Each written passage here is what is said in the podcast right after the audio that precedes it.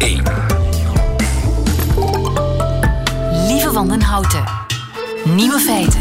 Dag, dit is de Nieuwe Feiten podcast van donderdag 17 oktober 2019. In het nieuws vandaag de blob, een nieuwe slijmschimmel die in de Zoo van Parijs te zien is. Het is een geelachtig, eencellig organisme dat eruit ziet als een schimmel, maar zich gedraagt als een dier. De blob heeft geen hersenen, geen mond, geen maag en ook geen ogen, maar kan toch razend efficiënt voedsel opsporen en verteren. Hij of zij verplaatst zich zonder poten of vleugels, maar vindt altijd de meest efficiënte weg van punt A naar punt B.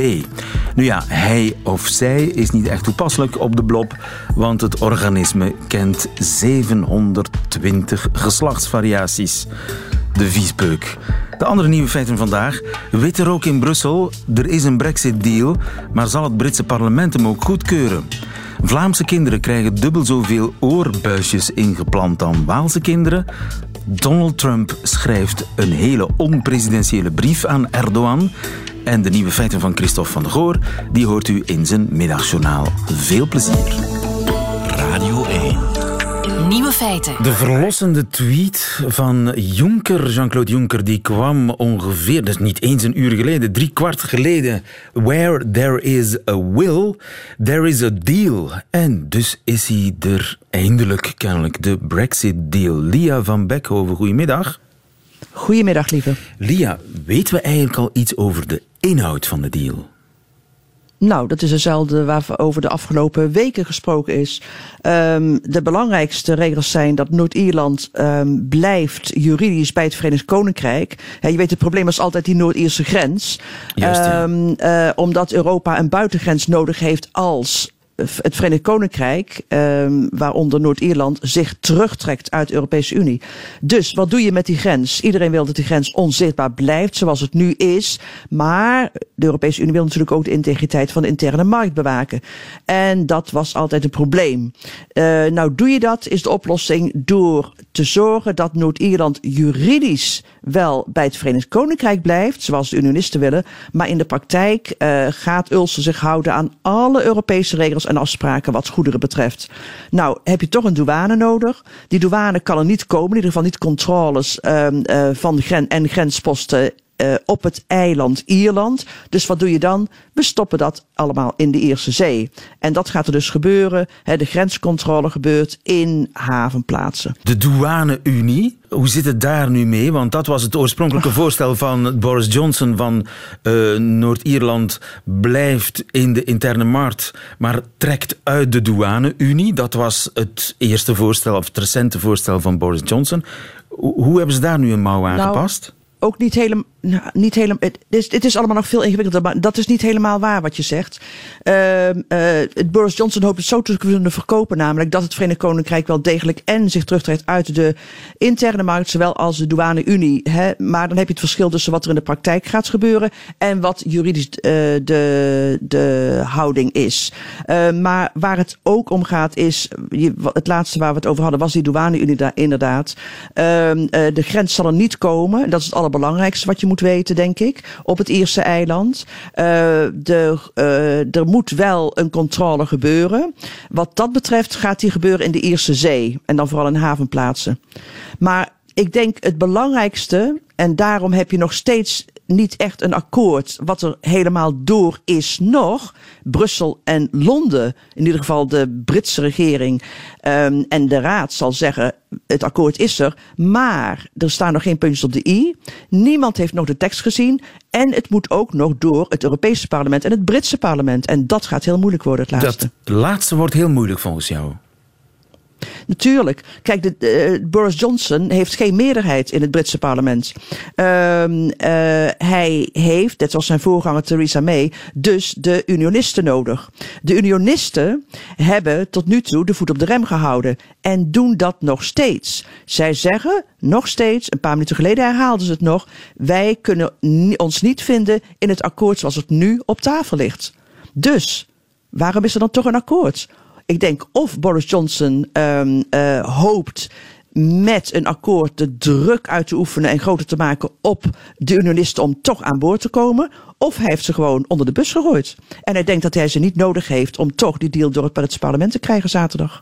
En zijn er geen mensen van de oppositie, mensen van Labour, die inmiddels ook uh, schoon genoeg hebben van het hele gedoe rond Brexit, dat die zullen zeggen: vooruit dan maar, we, we, we gaan akkoord met het die deal? Die zijn er zeker.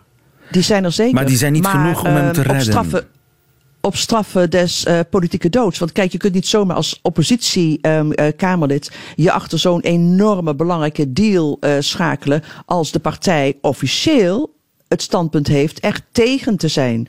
Dus um, uh, geruchten gaan, dat nog niet bevestigd, dat um, uh, Kamerleden, de fractie van de Labour-partij, gezegd is: stem je voor de deal dan, kun je, dan hoef je niet langer te beschouwen als een uh, Kamerlid uh, voor uh, Labour. Oei.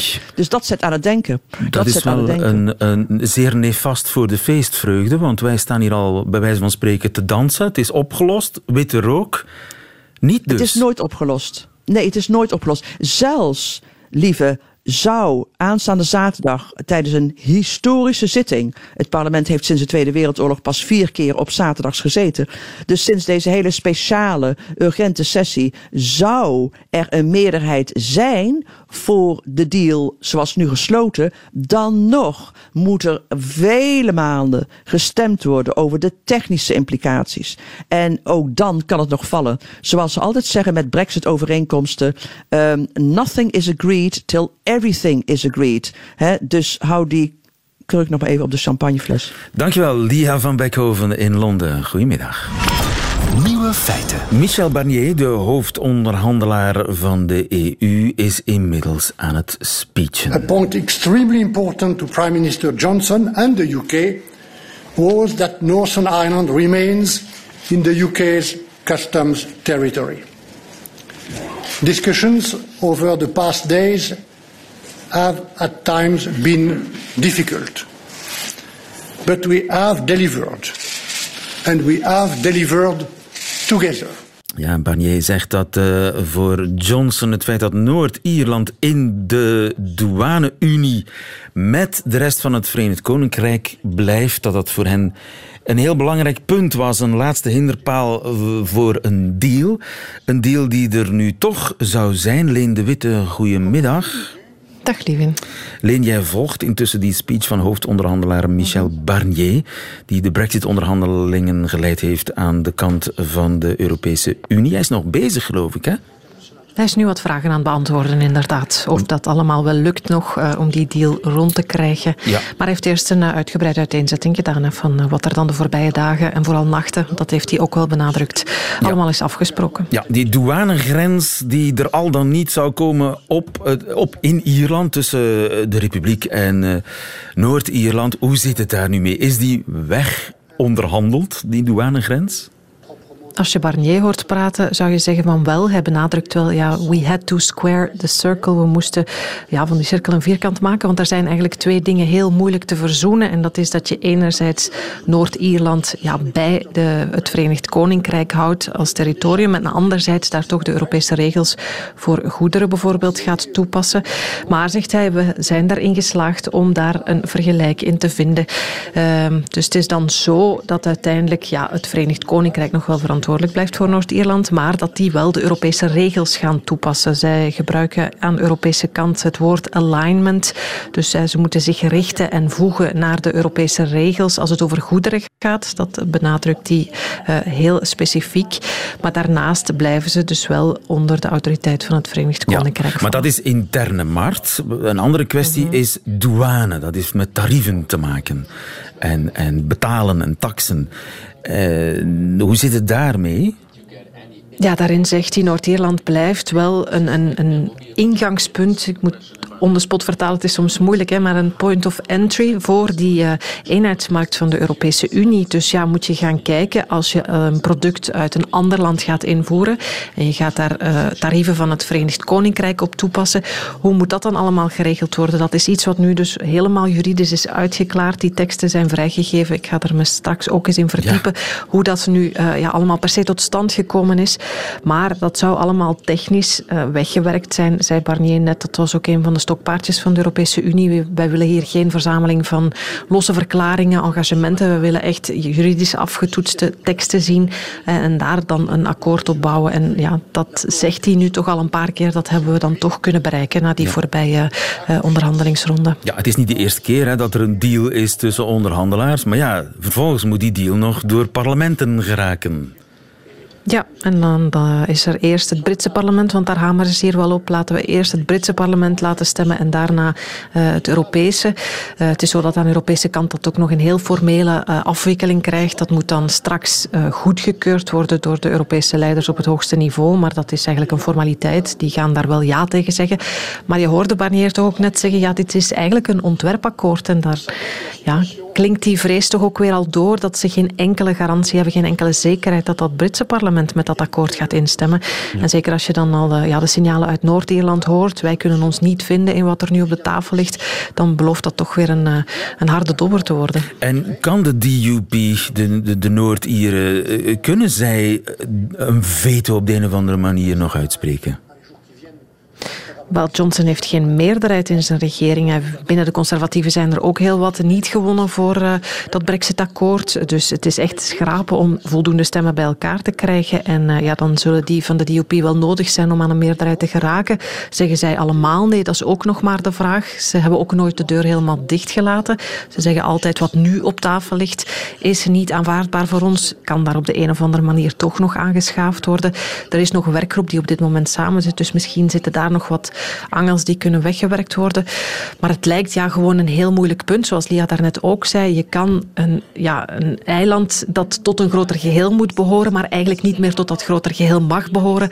Heel moeilijk eh, ja, tevreden stemmen, denk ik. Er zijn gewoon zo'n tegengestelde lange dat ja, dit compromis voor hen niet kan voldoen, denk ik. Ja, ze hebben van een cirkel een vierkant gemaakt, maar het moest wel een cirkel blijven.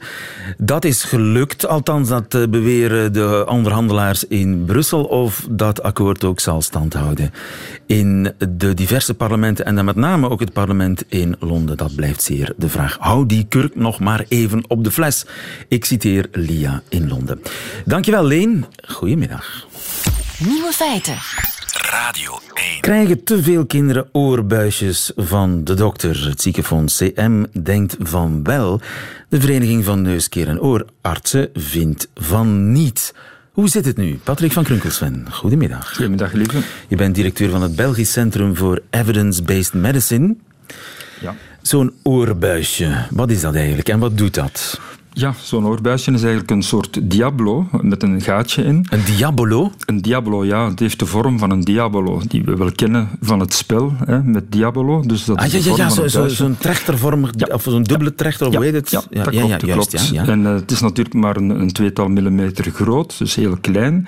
En het wordt dan eh, door het trommelvlies gestoken eigenlijk. En de bedoeling is dat als je zo'n buisje hebt, dat het vocht of de druk ook achter het trommelvlies kan weglopen. En het wordt dus geplaatst bij kinderen die vaker een oorontsteking hebben Ja. of een, een lijmoor, zoals we zeggen, zo slijm achter het trommelvlies. 16.000 kinderen zouden tussen 2017 en 2018 dat soort diabolootjes hebben gekregen. En volgens de, de CM was dat in veel gevallen niet nodig. Bent u het daarmee eens? Ja, dat kan je toch ook wel uit die cijfers afleiden hoor. Wat opvalt, het absolute getal, daar kan je over discussiëren. Als je dat met sommige landen uh, vergelijkt, zitten we zeker hoog. Maar wat ook heel erg opvalt, is dat sommige ziekenhuizen veel hoger scoren dan de andere. En soms wel tot tienmaal zoveel.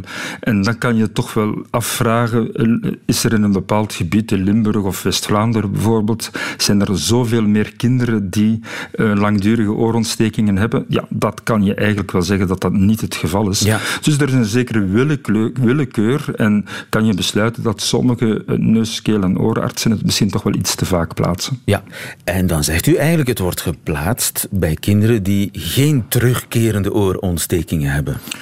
Wel, dat weet ik natuurlijk niet, hè, maar als we naar de internationale literatuur eh, kijken, dan zien we toch dat er meer en meer terughoudendheid is. Vroeger was dat een, een heel, als ik jong arts was bijvoorbeeld, was dat, ja, werd dat in de regel bijna. Dus het trommelvlies doorprikt om het etter te laten aflopen of het plaatsen van buisjes gebeurde heel vaak. En nu zegt men toch in de regel, ja, doe het liever niet te vaak, want het geeft ook een littekentje. Soms blijft er een gaatje bestaan. Je moet het kind toch in slaap Er zijn toch ook wel wat nadelen aan. En nu zegt men, behoud het voor voor die kinderen die echt problematisch zijn. Dat wil zeggen bijvoorbeeld kinderen die drie malen oorontsteking hebben op een half jaar. Of kinderen die eh, echt zo wat taai vocht achter het eh, trommelvlies hebben en duidelijk minder goed horen. Eh, doe het bij die kinderen. Maar in de andere kinderen kan je beter een beetje afwachten, want meestal lost het probleem zich vanzelf op en hoef je helemaal niet in te grijpen. Ja, het probleem lost zich vanzelf op bij eenmalige oorontstekingen. Maar als die oorontstekingen terugkeren, is het toch precies een teken dat het probleem zichzelf niet oplost? Wel, we zien dat wel vaker hoor. Kindjes die, die bijvoorbeeld twee maal per jaar een oorontsteking hebben en dan het volgende jaar weer niet meer.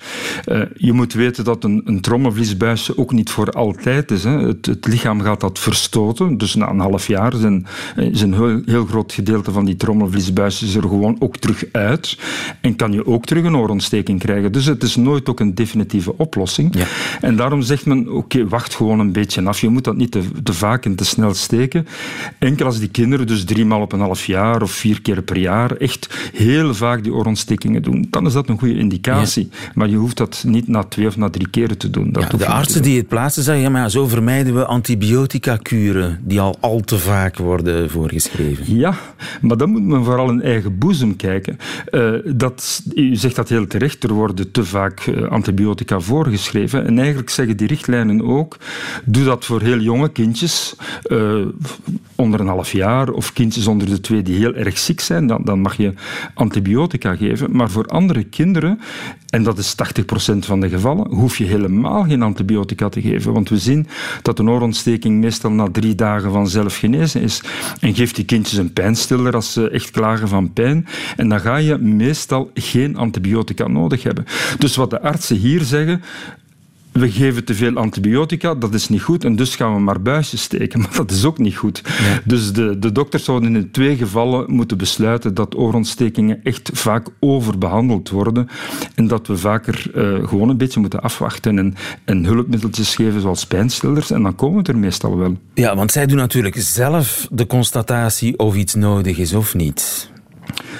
Ja, dat is een, dat is een zeer. En, en, en uh, we moeten toch wel vaker met de patiënten in dialoog gaan. En als een, een ouder een kindje heeft dat ja, al een paar oorontstekingen gehad heeft, dan mag je dat wel even op tafel brengen. Van zouden we misschien buisjes moeten aanbrengen? Maar dan moet je ook de nadelen daarvan toch duidelijk in beeld brengen. En dan kan de ouder samen beslissen. En uh, wat we zeker niet mogen doen, en dat geldt voor veel andere ingrepen, is uh, vanuit onze positie als arts een, een, eh, een ingreep voor te stellen zonder dit goed te overleggen en zonder de voor- en de nadelen te bespreken, in dit geval met de ouders. En denkt u dat in deze gevallen het budgettaire doorweegt? God, ik denk, uh, ik denk in dit geval eigenlijk niet. Dus het budget, totale budget is 3 miljoen en half voor de ziekteverzekering. Uh, dat is niet heel hoog als we dat vergelijken met veel andere ingrepen. En af en toe speelt dat wel, zeker voor, voor ingrepen die duurder terugbetaald worden. Maar ik durf in dit geval um, dat niet zeggen. Maar het is vaak zo dat oorartsen, ja, die, die, die zijn ook opgeleid om, om, om zo'n ingrepen te doen. Ja, want zij zeggen wij doen alles volgens het boekje. Wij volgen de internationale criteria. Ja, maar het is ook het is ook wel tijdelijk een goede oplossing. En, en, en artsen hebben graag dat ze een direct kant-en-klaar oplossing aanbieden aan de patiënten. En het vraagt soms wat meer tijd om tegen de mensen te zeggen: ja, maar zo erg is het niet. En wacht een beetje af. En dat laatste kost ook tijd en soms misschien meer tijd dan zo'n buisje te plaatsen. En in dat geval is onze nomenclatuur misschien toch wel iets in de verkeerde richting doorgeschoten, dat technische prestaties uh, goed worden vergoed en het goed voorlichten van patiënten wordt slechter vergoed. Uh, en daar, daar is duidelijk een onevenwicht en onze neuskeel neus, keel oorartsen doen het vaak heel goed, maar laten ze toch wel toegeven dat ze vaker die ingreep doen dan nodig. Ja, en dat geldt wellicht niet alleen voor neus, keel oorartsen. Nee, maar dat is een heel ander debat, dat gaan we vandaag niet voeren. Maar uh, we zien in de internationale literatuur, uh, die gedragen wordt door evidence-based medicine, toch stellingen van, ja, bewijs eerst hè, dat zo'n ingreep echt beter is dan niets doen. En we zien toch een trend om vaker af te wachten en niet te snel naar chirurgie en ingrepen te gaan. Ja, de oorbuisdiscussie Ze is nog niet afgelopen, heb ik het gevoel. Dankjewel, Patrick van Kittelsveld. Goedemiddag.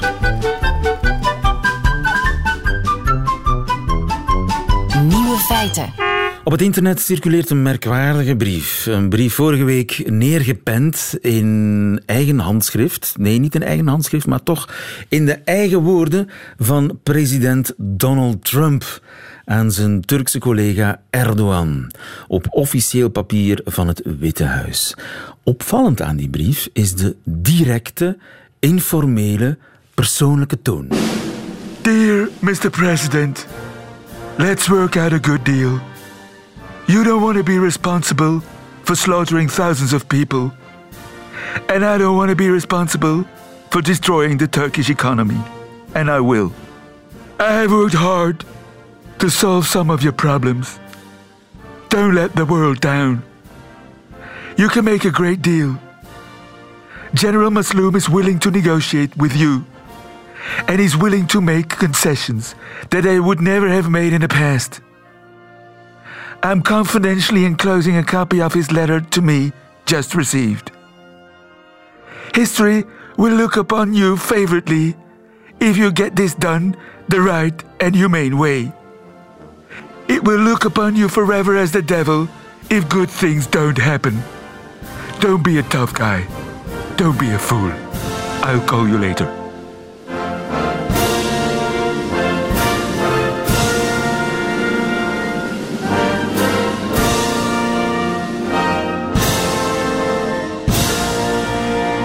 Don't be a tough guy.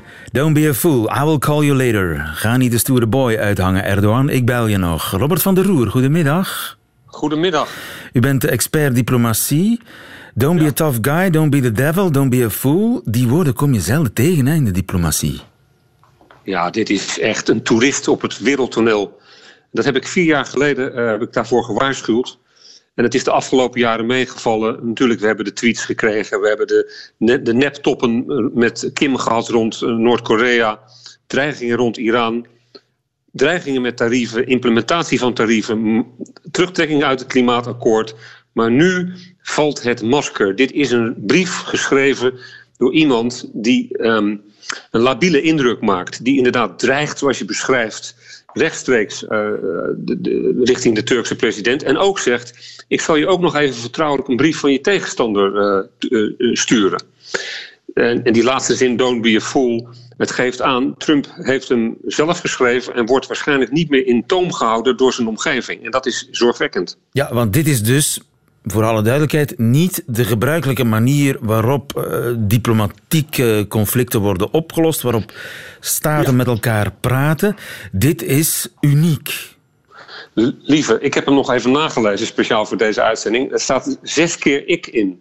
Dat, dat, doen, dat doen wereldleiders niet op dit niveau. Uh, die, die informele toon, daarvan zou je nog kunnen zeggen: nou ja, als je een vakantiebrief schrijft aan de heer Erdogan, dan kom je er nog mee weg. Maar je moet dit natuurlijk zien in een breder eh, perspectief. Deze brief is kort geschreven na de invasie. En uh, waarop inmiddels een, uh, van, van, van Erdogan in Noord-Syrië. Toen was inmiddels een, storm van kritiek losgebarsten. En je ziet een soort zelfrechtvaardigende toon in deze brief. En um, ja, kijk, de afgelopen drie jaar tijdens zijn presidentschap waren we nog, was de wereld nog gerustgesteld door generaals Kelly, Mattis uh, die um, Trump in toom hielden. Maar nu is dat niet meer zo. Hij is uh, omringd door tweede garnituur, menselijk zelfs in, in tijdelijke functies, die hem niet meer kunnen uh, in toom houden. En dan, ja, dit, als je kijkt naar wat er gisteravond is gebeurd. Dus een enorme scheldpartij eigenlijk met de Democraten, met Nancy Pelosi, die die een derde rangs politica heeft genoemd. en Matt is de zwakste generaal van Amerika aller tijden dan kun je zien dat ehm, het stoom komt uit, alle, uit, komt uit de oren bij de heer Trump. En dat is zorgwekkend, want hij is de leider van Amerika. En hij is, en dat besluit u ook uit deze brief, de trappers kwijt. Hij is de pedalen compleet kwijt.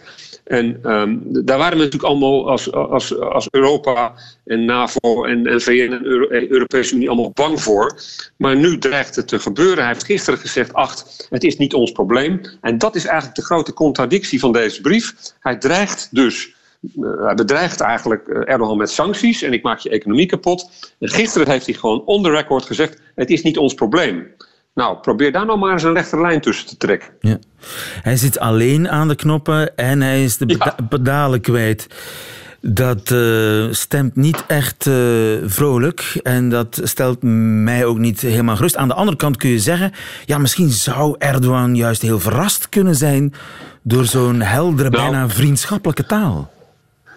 Kijk naar de datum, lieve, van deze brief. Die is 9 oktober. Dat is vorige week, medio vorige week. Kijk wat Erdogan sinds die, sindsdien gedaan heeft. Hij heeft zich helemaal niet van aangetrokken. En ik verzeker je, vandaag komt een tweekoppige delegatie, Mike Pence en Mike Pompeo aan in Ankara. En ook die krijgen nul op request. Dit zijn de dagen van Poetin, niet de dagen van Trump. Poetin zal in het gat duiken. En ook omdat Trump nu, nu niet meer op de grond aanwezig is, komt de oude uh, oerwet uit de diplomatie uh, in werking. Wie niet in de regio is, telt niet mee. En daar gaat Trump nog een hele grote prijs voor betalen. En je zag dat gisteren al de Republikeinse ijzervreter en senator Lindsey Graham hield een tirade van meer dan een minuut en zei: Hoezo niet in het Midden-Oosten actief zijn? En 9-11 dan? Ja, daar heeft Donald Trump even geen antwoord op. En ik denk dat hij nu nog nadenkt over het antwoord daarop. Ja, Robert van der Roer, helder. Dankjewel. Goedemiddag.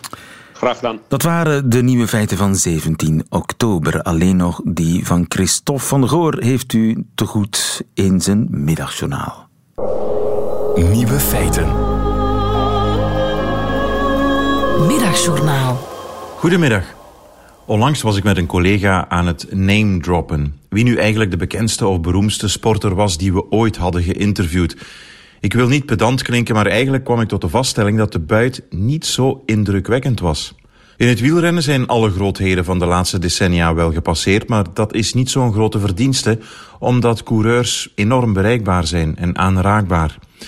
Met echte vedetten bedoel ik een Messi, een Ronaldo, een Michael Phelps, Nadal of Federer. Dat zijn wereldsterren in onze sport. Nooit bijgeraakt. Wel bij de NBA-mannen op de Olympische Spelen, maar dat is dan weer meer de verdienste van hun persman. Want die plaatst alle basketters aan een afzonderlijk tafeltje in een heel grote zaal, zodat iedereen van dichtbij benaderbaar is. Dus kon ik ook bij Kobe Bryant en LeBron James geraken. Vond ik als basketballiefhebber niet onaardig uiteraard. Nooit zenuwachtig of een bibber in de keel bij sporters voor de micro, in tegenstelling tot bij rockartiesten. Ook al hebben die ook niet altijd veel te vertellen wanneer ik naar de festivalprogramma's op Stubru luister, maar dat zou me niet zoveel uitmaken, want Dave Grohl van de Foo Fighters bijvoorbeeld stopte ooit halfweg in een interview om tegen Aiko Duister te zeggen wat voor een mooie stem ze wel had. Ja, daar kan je wel een aantal jaar mee voort. Het is al veel te lang geleden, maar in een ver verleden presenteerde ik wel eens een muziekprogramma op Radio 1.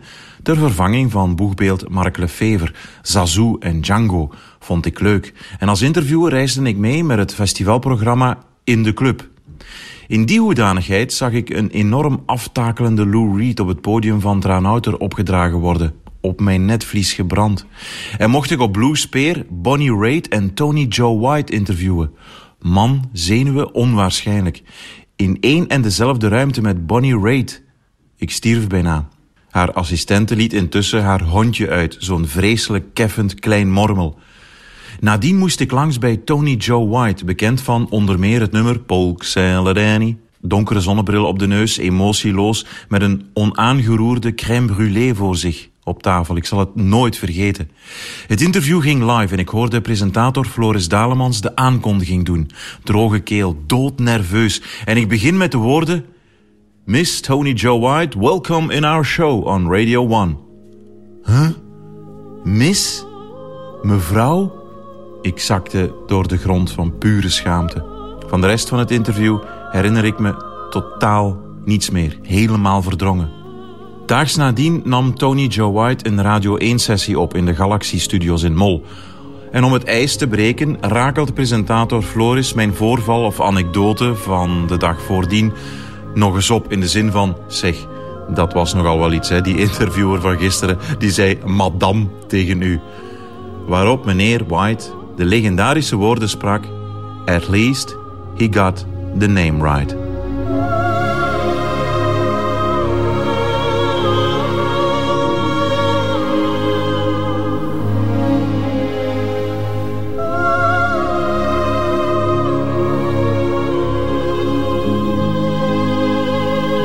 Het Middagjournaal met Christophe van der Goor. Einde van deze podcast. Hoort u liever de volledige uitzending met de muziek erbij? Ga dan naar de app van Radio 1 of de site van Radio 1. Daar vindt u overigens nog veel meer leuke podcasts. Tot een volgende keer.